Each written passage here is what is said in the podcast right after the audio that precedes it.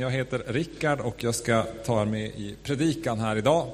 Maria har redan berättat om temat från mörker till ljus och idag om att talar vi om frihet för de bundna. Först av allt vill jag bara tilltala församlingen här lite och tacka för alla er som har varit med och be under den här perioden av bön under fastan. Jag vet att en del också har fastat på olika sätt för att liksom både att markera att vi är kristna på det sättet men också för att verkligen be att Gud ska få göra skillnad. Och vi har bett kring lite olika saker och det, jag vill bara tacka för att ni har varit med på det sättet, så det känns jättebra.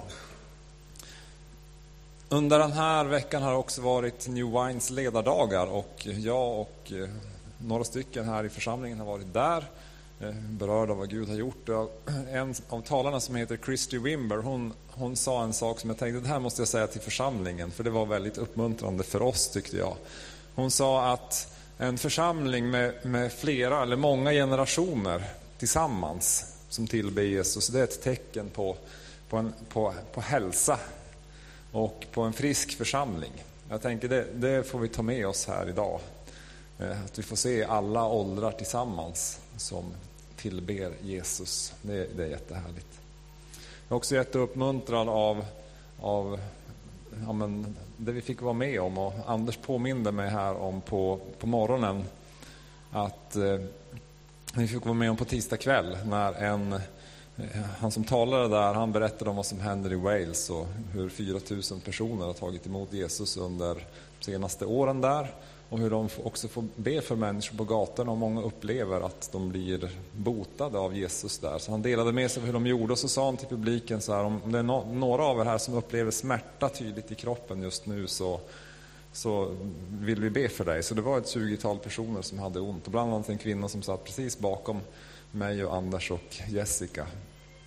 Så då instruerade han kring bönen hur, hur, vi skulle göra och då skulle den personen först bara be en enkel bön själv, Jesus Herre Jesus, kom och bota mig, snälla, ungefär så, fast på engelska.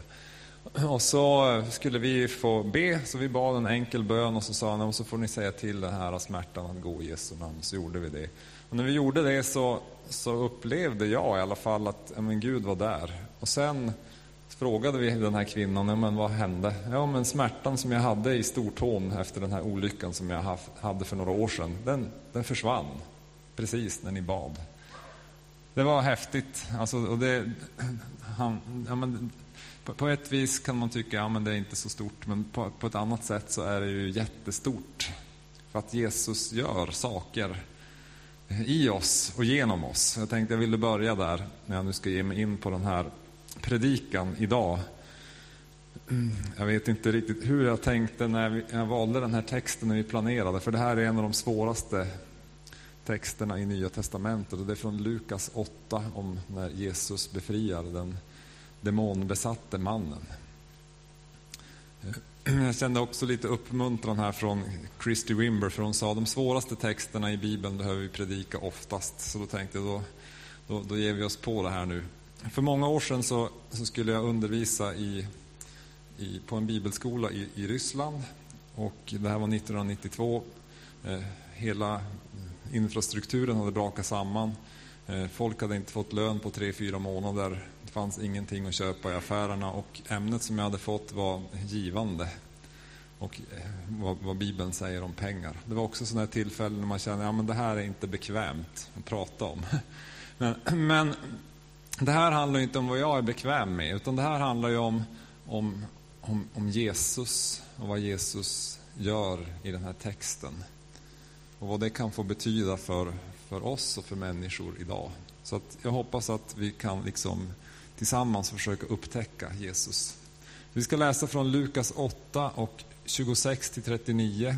Och eftersom det är ett lite längre avsnitt så kommer jag läsa en del och så tala lite och så läsa nästa del och tala lite och så vidare. Så hänger ni med i upplägget här. Om ni har bibel eller i mobilen så får ni gärna slå upp och läsa med mig.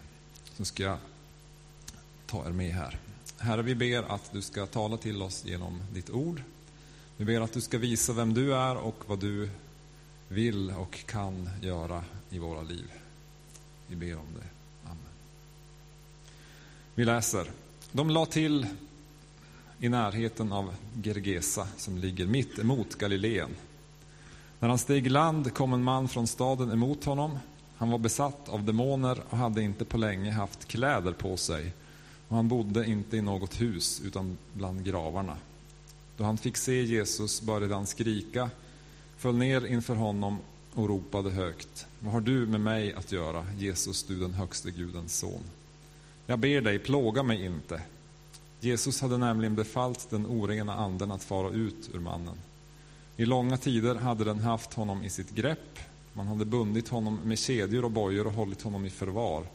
Men han hade slitit sig lös och drivits ut i öde trakter av demonen.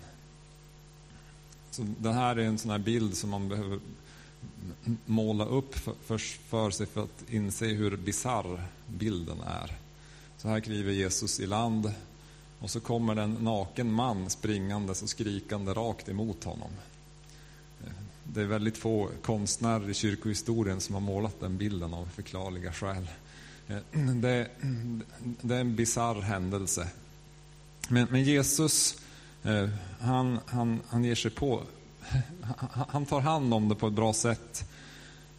För att vi ska förstå det här så, så måste vi förstå det här, men vad är, alltså, när man pratar om demoner och pratar om besatt, vad, vad pratar vi om, om här nu då? Alltså när man pratar om att vara besatt, alltså, så är, i, i det här sammanhanget så är det en person som är helt kontrollerad av onda makter. Idag kanske vi skulle sätta lite andra ord på en, på en, på en del sådana här saker. Men jag var i Indien för några veckor sedan och jag inser att det, det är väldigt tydligt att det fortfarande finns onda makter som binder människor på olika sätt. När vi pratar om det här med, med ondskan så är det, det är något som är stort och svårt och det finns liksom många saker som man kan, kan jobba med där. Det, men, men det Bibeln talar om är att det påverkar oss på olika sätt. Alltså ondskan, synden, allt det här onda som finns i världen påverkar oss. Och när man tittar i, både i Bibeln och tittar på våra erfarenheter så finns det människor som kanske kan vara rent besatta av demoner. Men, men det, det, är många som kan vara bundna av olika tankar eller upplevelser som man har varit med om. Eh, som, som har med ondskan att göra. Bindningar eh, som, som skapas av missbruk. Eh, mental ohälsa är något som är ett av de största problemen i, i våran tid, i vårt land. Alltså, jag säger inte att allt är att man är besatt av demoner, men, men det, det påverkas av ondskan som finns omkring oss. När man, eh, eh, när man tänker efter på, på Sverige och vår situation, alltså så, bara senaste veckorna så har jag mött siff, både, både siffror men också konkreta exempel på att det finns människor som verkligen kämpar med, med ondskan. Eh, 25 procent av våra tonårstjejer äter antidepressiva läkemedel i Stockholm nu. Alltså det, det säger någonting om ohälsan. Och jag säger inte det här för att på, på något vis trycka ner eller klanka ner på någon. Utan det, det är bara så tillståndet är. Samtidigt så har jag också, inte direkt men indirekt, mött människor som, som kämpar enormt med självmordstankar just nu.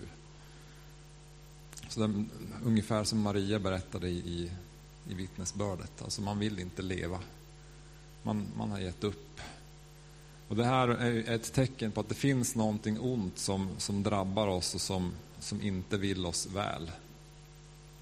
Så det här finns, när man tittar på Bibeln så kan man titta på det här liksom i lite olika nivåer. Den, den här nakne, galne, demonbesatte mannen Eh, får man väl kalla liksom som besatt, kontrollerad av, av ondskan. Men man kan vara bunden, man kan vara påverkad, man kan vara betryckt, man kan vara störd av, av onda saker, av ondskan, av demonisk aktivitet på olika sätt. Det kan vara syndens konsekvenser i våra liv som, utifrån något som har hänt eller något som vi har varit med om. Som kristen så behöver man inte gå omkring och vara rädd för att man är besatt av demoner eller kontrollerad, fullständigt styrd av demoner. I Kolosserbrevet 1 och 13 så står det att Jesus har räddat oss ur mörkrets välde och fört oss in i sin älskade Sons rike. Och genom Sonen har vi friköpts och fått förlåtelse för våra synder. Alltså vi har förts från mörker in i ljuset, så mörkret kontrollerar oss inte längre. Men, men även som kristen så kan man ju vara påverkad av syndens konsekvenser, av ondskan på olika sätt. Delar i ens gamla liv kan hålla, haka tag i en och man kan vara liksom, ja, men, bunden i sina tankar eller i sin själ på olika sätt. Påverkad, störd, betryckt. Jag vet inte hur det är med dig, men även jag då som, som är, eh, har levt som kristen länge och liksom finns mitt i en församling kan jag också känna mig betryckt ibland. I mina tankar och i min själ. När jag ber så kan det kännas som att liksom, ja, men det tar stopp precis ovanför huvudet. Liksom. Bönerna går ingen, ingen vart, utan det, det känns bara liksom så, ah, tungt. Jag vet inte om någon av er delat den upplevelsen. Och jag tror att det har också med den här eh, andliga världen att göra som vi inte ser. Att det finns saker som, som vi kämpar emot som, som kristna. Så när vi pratar om, när vi liksom in i den här berättelsen så är det liksom alla de här perspektiven som jag ändå vill, vill beröra. Men, men den handlar ju om hur Jesus möter den här demonbesatte personen.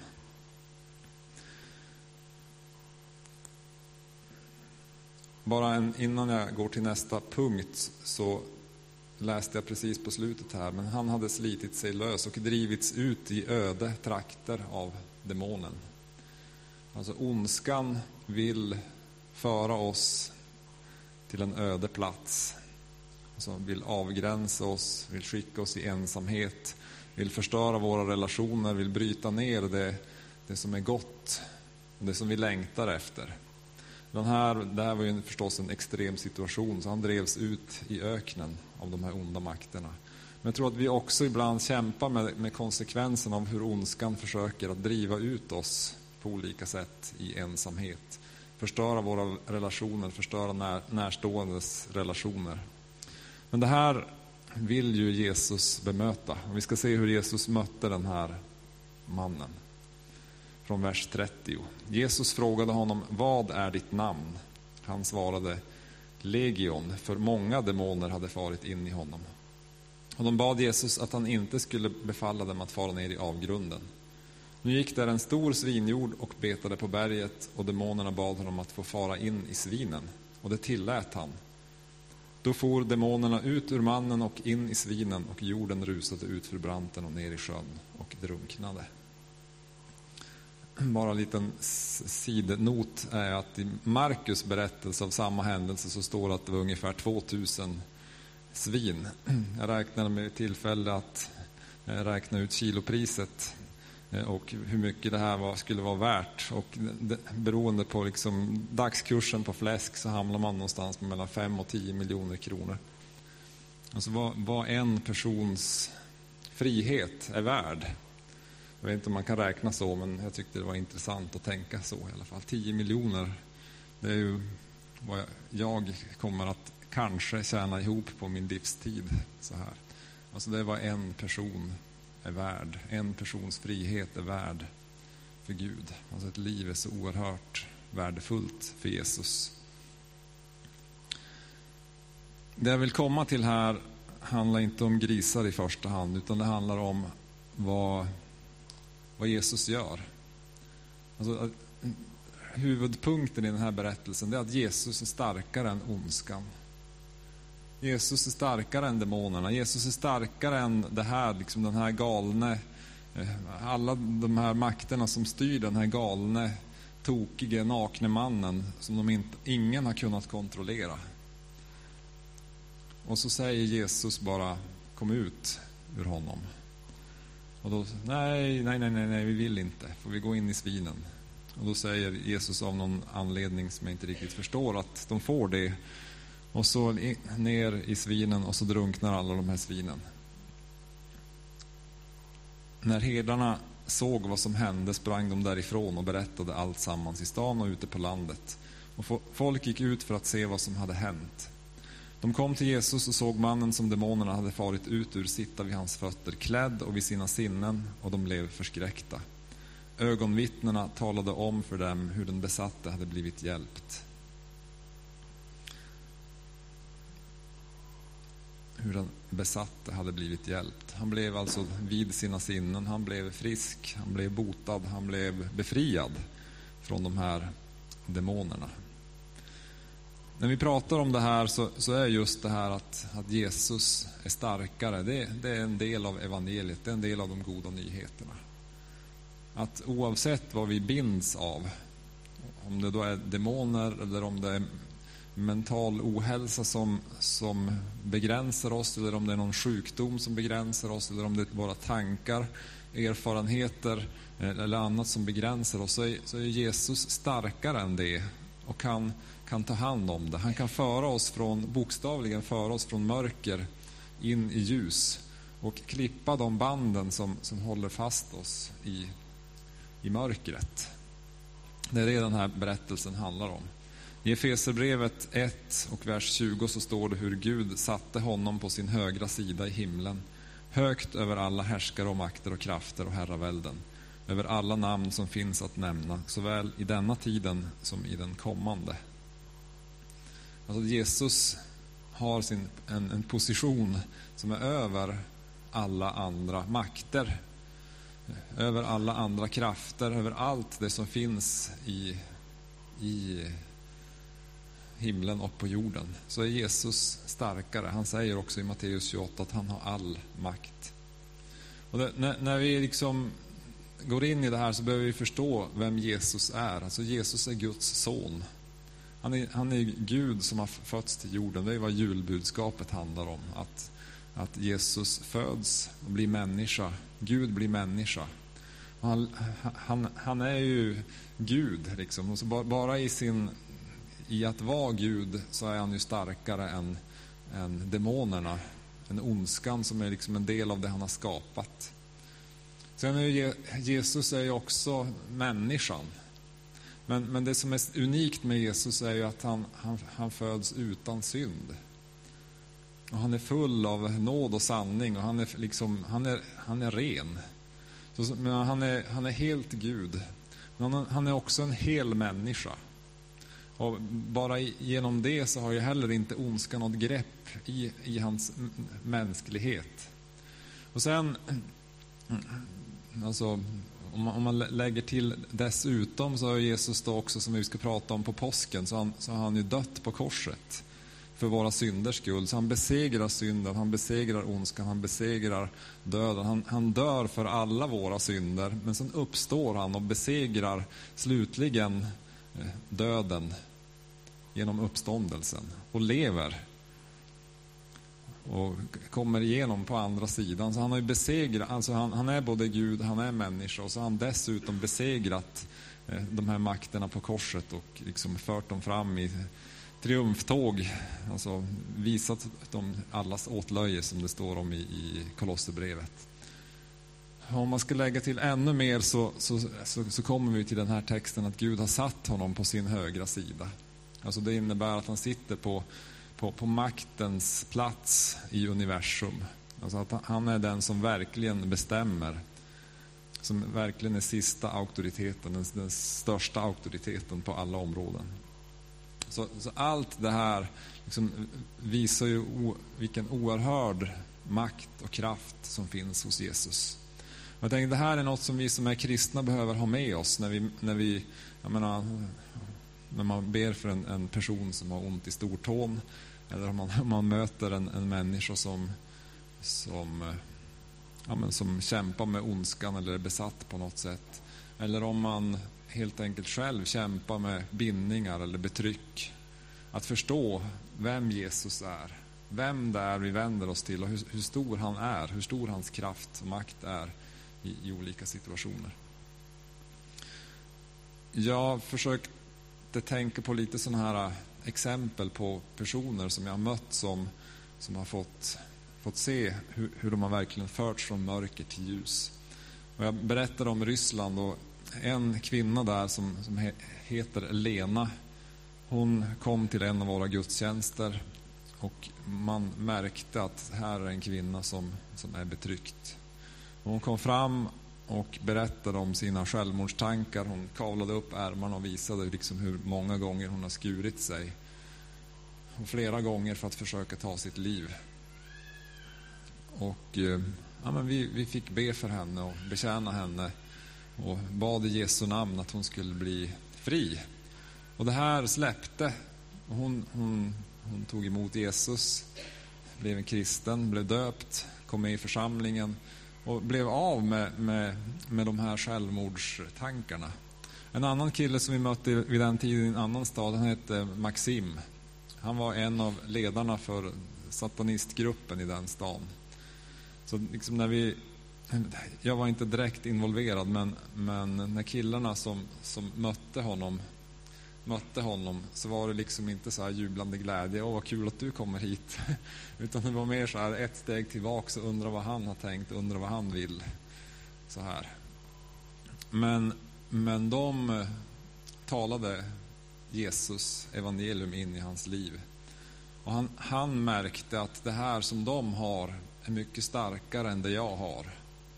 Så han ville direkt liksom lägga det här åt sidan för att här, den kraft som mina kristna kompisar kommer med var mycket starkare än det han hade sett eller smakat på tidigare. Så han, han lämnade också sitt liv till Jesus och blev, blev en kristen och fanns med och finns med genom församlingarna där borta. Så det, det, Gud gör är starkt, men det kan ju också vara de här lite mindre sakerna. Jag har en kompis som, som jag fick vara med och be för som hade strulat till det, liksom hamnat i... Ja, men hans, eh, ja, han, han var otrogen helt enkelt, för att säga det rakt på sak. Eh, och men ville på något vis komma bort ifrån det och komma tillbaks till sin fru. Och det här var ju liksom kämpigt på alla plan förstås. Sådär. Men, men det var en vändpunkt, för det var liksom, han, han upplevde själv att, att Jesus sa, alltså, kallade på honom att du, du, du, du har en chans till att omvända dig. Han ville omvända sig, men han upplevde liksom starka bindningar till den här kvinnan. Och Det som hände var att vi möttes till samtal, för han sa att jag skulle verkligen vilja egentligen omvända mig, men jag känner att jag kan inte. Och eh, ja, men samtalet slutade med att han ville att jag skulle be för honom. Och då, då bad jag för honom och bad en väldigt kort och enkel bön. Jesus, gör honom fri. Bryt den här bindningen till den här kvinnan. I Jesu namn. Och sen berättade han för mig efteråt att det var, det var något som släppte där som gjorde att han kunde faktiskt säga, säga, säga till henne att nej men jag jag vill inte gå vidare i den här relationen. Jag går tillbaks till min fru. Och de är, de är tillbaks med varann och är lyckligt gifta. Lyckligare än innan till och med det här hände, tror jag. Så Gud kan göra saker. Gud kan befria oss på, på lite olika plan. Jesus är starkare. Det finns en... Innan vi går till själva avslutningen av texten så vill jag komma tillbaks till början här. För jag känner här är något som som är intressant med den här texten, som, som utmanar mig som person ganska rejält. Och det är ju då att Jesus kommer just till det här området, till Gergesa, som det heter. Varför tar Jesus vägen dit? Det här är ju liksom på fel sida om sjön, det är inte judarnas område. De här orena människor i judarnas ögon, de, de äter fläsk. Det gjorde inte judarna. Så det är liksom folk av, ett, av en annan religion, av en annan sort. Om man läser verserna innan så vet man att Jesus och lärjungarna har varit ute och seglat på sjön. Det kommer en stark stormvind och lärjungarna väcker Jesus och Jesus eh, stillar vinden, stillar stormen. Det är en sån här populär söndagsskolberättelse, att Jesus stillar stormen. Eh, den här om demonerna är inte lika populär i söndagsskolan av någon anledning. Men, men i alla fall, så, ja, min enda förklaring, det står att de lägger till där. Alltså Jesus har sagt till att det ska sluta att blåsa, så slutar det blåsa, och så är de här helt enkelt. Eh, och då måste de ju, om det nu inte blåser, vad gör man med en segelbåt? Man får ju liksom vänta på att det börjar blåsa igen för att komma hem. Så de går i land, eh, på något vis ledda av Gud hit. Eh, men nu, nu sa jag fel, för det står inte att de går i land. Utan det står att de la till och så står det att han gick i land. Det här säger någonting viktigt i den här texten. Alltså, var är lärjungarna här? Alltså, de har varit väldigt aktiva i verserna innan och i kapitlet innan. Men här är det bara Jesus. Sitter de i båten hela tiden?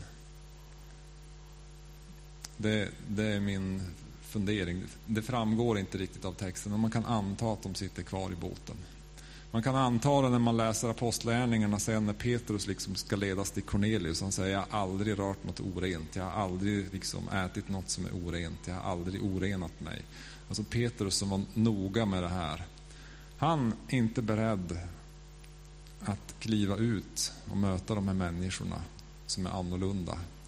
Som han inte anser vara rena. Alltså ingen av lärjungarna, ska inte bara lägga allt på Petrus, men, men alla lärjungarna verkar ha fördomar. Men Jesus kliver över de fördomarna. Han går i land. Och sen besannas ju alla fördomars moder, liksom, när den här galne mannen kommer springande. Och jag kan ju bara tänka mig vad, vad lärjungarna tänker i båten. Så, vi skulle inte ha stannat här. Men, men Jesus gör något. Han, han, han möter den här mannen. Alltså, han ser vad Gud vill göra och hjälper honom att bli fri. Men det här eh, kom tillbaks några gånger under ledardagarna också, just det här med att, att möta våra fördomar.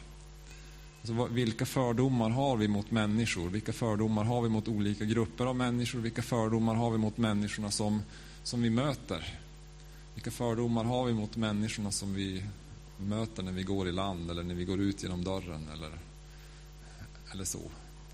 Jag har själv under veckan här känt att ja, men jag, jag har fått liksom be Gud om förlåtelse för att jag Eh, ja, ni, ni, hör ju att jag är liksom norrlänning så här. Ni skulle bara ana vilka fördomar det finns som stockholmare i Norrland. jag tänker inte ens gå in, gå in på det men, men eh, bara liksom att, att gå ut här på Östermalm så inser jag att ja, men jag har haft fördomar om människor. Alltså en tanke, de här är ju så rika så de behöver ingenting. Det är en sån tanke. Och sen en andra tanke, hur ska Gud liksom kunna komma åt liksom, människor som går och har hunden i handväskan? Det är liksom också en sån här tanke, tanke som, som sån här fördom som jag har haft om, om människor. Jag vet inte om jag ens har sett det, men det är liksom en sån här bild som, som jag har gått med att så är det på, på Östermalm. Så här. Hundar har man när man jagar i Norrland. Bara så att ni liksom förstår perspektiven. Så. Eh, men det, det, är så lätt att man, att man styrs av sina fördomar och inte ser att här är, här är en människa, här är en grupp människor som Gud vill beröra med sin kärlek, med sin frihet, med sitt liv. Så vilka fördomar har vi? Vilka människor är det som vi liksom tänker att ja, men det här är hopplösa fall, eller ja, men den gruppen människor kommer vi aldrig att kunna få se Gud göra något i. Vi kanske till och med har fördomar om oss själva, att ja, men jag, är ett, jag är ett hopplöst fall. Och när vi, när, vi, när vi ger oss åt sådana fördomar så blir det, det, det blir fästen i oss också för otro som, som, som släcker kärleken som gör oss rädda, som skapar murar, både mellan oss och andra människor, men kanske också mellan oss och Gud. Och jag tror att Jesus också i den här texten vill, vill visa oss att han är beredd att möta alla människor. Och han vill också sända oss till all, all, andra människor, alla människor, för det är det som avslutningen av den här berättelsen handlar om. Det står att alla i Gergesa och trakten däromkring bad Jesus att lämna dem, så skräckslagna var de. Han steg då i en båt och vände tillbaka. Och mannen som demonerna hade farit ut ur bad att få följa med honom. Men Jesus skickade iväg honom med orden Gå hem igen och berätta vad Gud har gjort med dig. Då gick mannen därifrån och lät hela staden höra vad Jesus hade gjort med honom. Jesus verkar ha liksom mött den här personen och sett att det här är en nyckelperson. Det här är en, den person som, som Gud kan använda för att beröra hela det här området. Väldigt osannolik predikant på många sätt, men, men den som Jesus möter och sänder för att möta och beröra hela stan, hela området.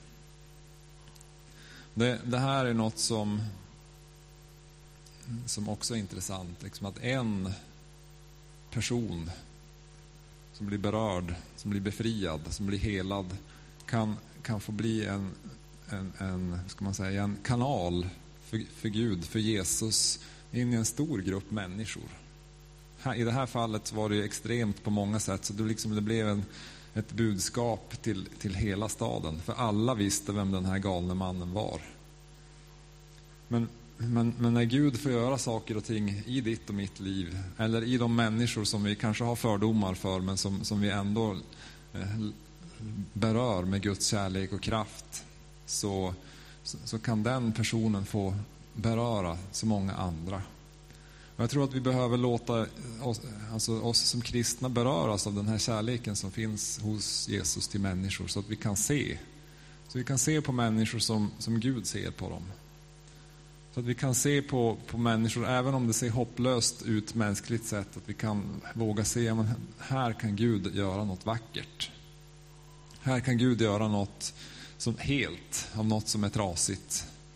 Eh, det är inte alltid det blir och ser ut på det sättet som vi har, som vi har tänkt att det ska bli, men, men Jesus är fantastisk på att kunna skapa liv, skapa ljus i mörker och föra människor dit.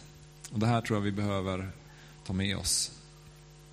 När vi avslutar nu här den här förkunnelsen så, så vill jag skicka med några saker ifrån den här texten. Vi börjar med det här med, med, fördomarna. Alltså vilka fördomar bär du på? Är det någon grupp människor eller är det någon person? Det kan ju vara någon närstående som du känner, här är en människa som jag aldrig tror att Gud kan göra någonting med. Som du har svårt att ens se eller titta på. Det kanske är läge att be Jesus om förlåtelse för den attityden. Jag har fått mm, fått jobba med det själv här under veckan med några saker. Det andra är ju ja, men, uppdraget som den här mannen får, som jag tror är allas vårt uppdrag. Gå hem igen och berätta vad Gud har gjort med dig. Alltså när Gud har gjort något i vårt liv, även om det är bara liksom en liten sak, så, så när vi berättar om det så ger det utrymme för Jesus och för Guds rike och för ljuset in i sammanhanget. Så när jag berättar om den här kvinnan som blev av med smärtan i sin tå så, så blinkar det till av Guds ljus. För att han har gjort något. Och när Maria delar sitt vittnesbörd här på filmen så blinkar det till av Guds ljus. Och när du berättar vad Jesus har gjort för dig så blinkar det till av Guds ljus. När du berättar vad någon annan har gjort, även om det liksom bara är så att ja, men, någon var snäll och bjöd dig på en, en, en chokladbit så blinkar det till av Guds ljus. Alltså när Guds, när Guds godhet märks, när vi berättar om det, så, så, så tänder det ett ljus. Det här är också en inbjudan till frihet. Och jag har redan nämnt självmordstankar och smärta. Alltså det här är en inbjudan till, till frihet för, för sådana saker. Kanske också tvångsbeteenden. Så. Och den, den viktigaste inbjudan är att komma till Jesus, komma till korset och ta emot honom. Att kliva från mörkret in i ljuset och säga Jesus, jag tror på dig. Jag vill leva med dig. Jag vill att du ska vara Herre i mitt liv och inga andra makter, inga andra krafter. Och Den möjligheten har du att göra här idag när vi ska be här på böneplatsen alldeles strax. Du kan få komma till korset och säga det till Jesus och så kan någon förebedjare få be tillsammans med dig. Du kan också söka upp förebedjare, heta stolar här i, i rummet och få förbön och få uppleva hur Jesus gör dig fri på olika sätt. Vi är en församling som, som jag sa, som vill jobba med alla generationer, men vi, vi vill också jobba med bön och tillbedjan och det här med frihet, helande, är ju något som vi tror att Gud vill göra. Så vi har lite olika böneplatser. Man kan tända ett ljus och be en bön. Man kan få förbön, som jag sa, heta stolen, där behöver man inte säga något, utan man kan bara sätta sig och någon ber för dig. Vi ber för våra missionärer, vi ber tack. Man kan klaga vid vår klagomur. Eh, man kan måla en bön. Och man, ja, det är jättemånga olika kreativa saker här. Och det finns instruktioner på alla platserna. Så att man kan resa sig upp här när tillbedjan börjar och så kan man få gå och be på det sätt som man själv tycker är bra. Man kan förstås också få vara kvar i bänken och tillbe Jesus som, som Herre. Alldeles strax så kommer barnen med in också. Ni som är föräldrar får gärna ta emot dem och gå med dem till de böneplatser som de har fått på, på lappar att gå till. Men de, ni möter dem där bak i lokalen. Ska vi be tillsammans?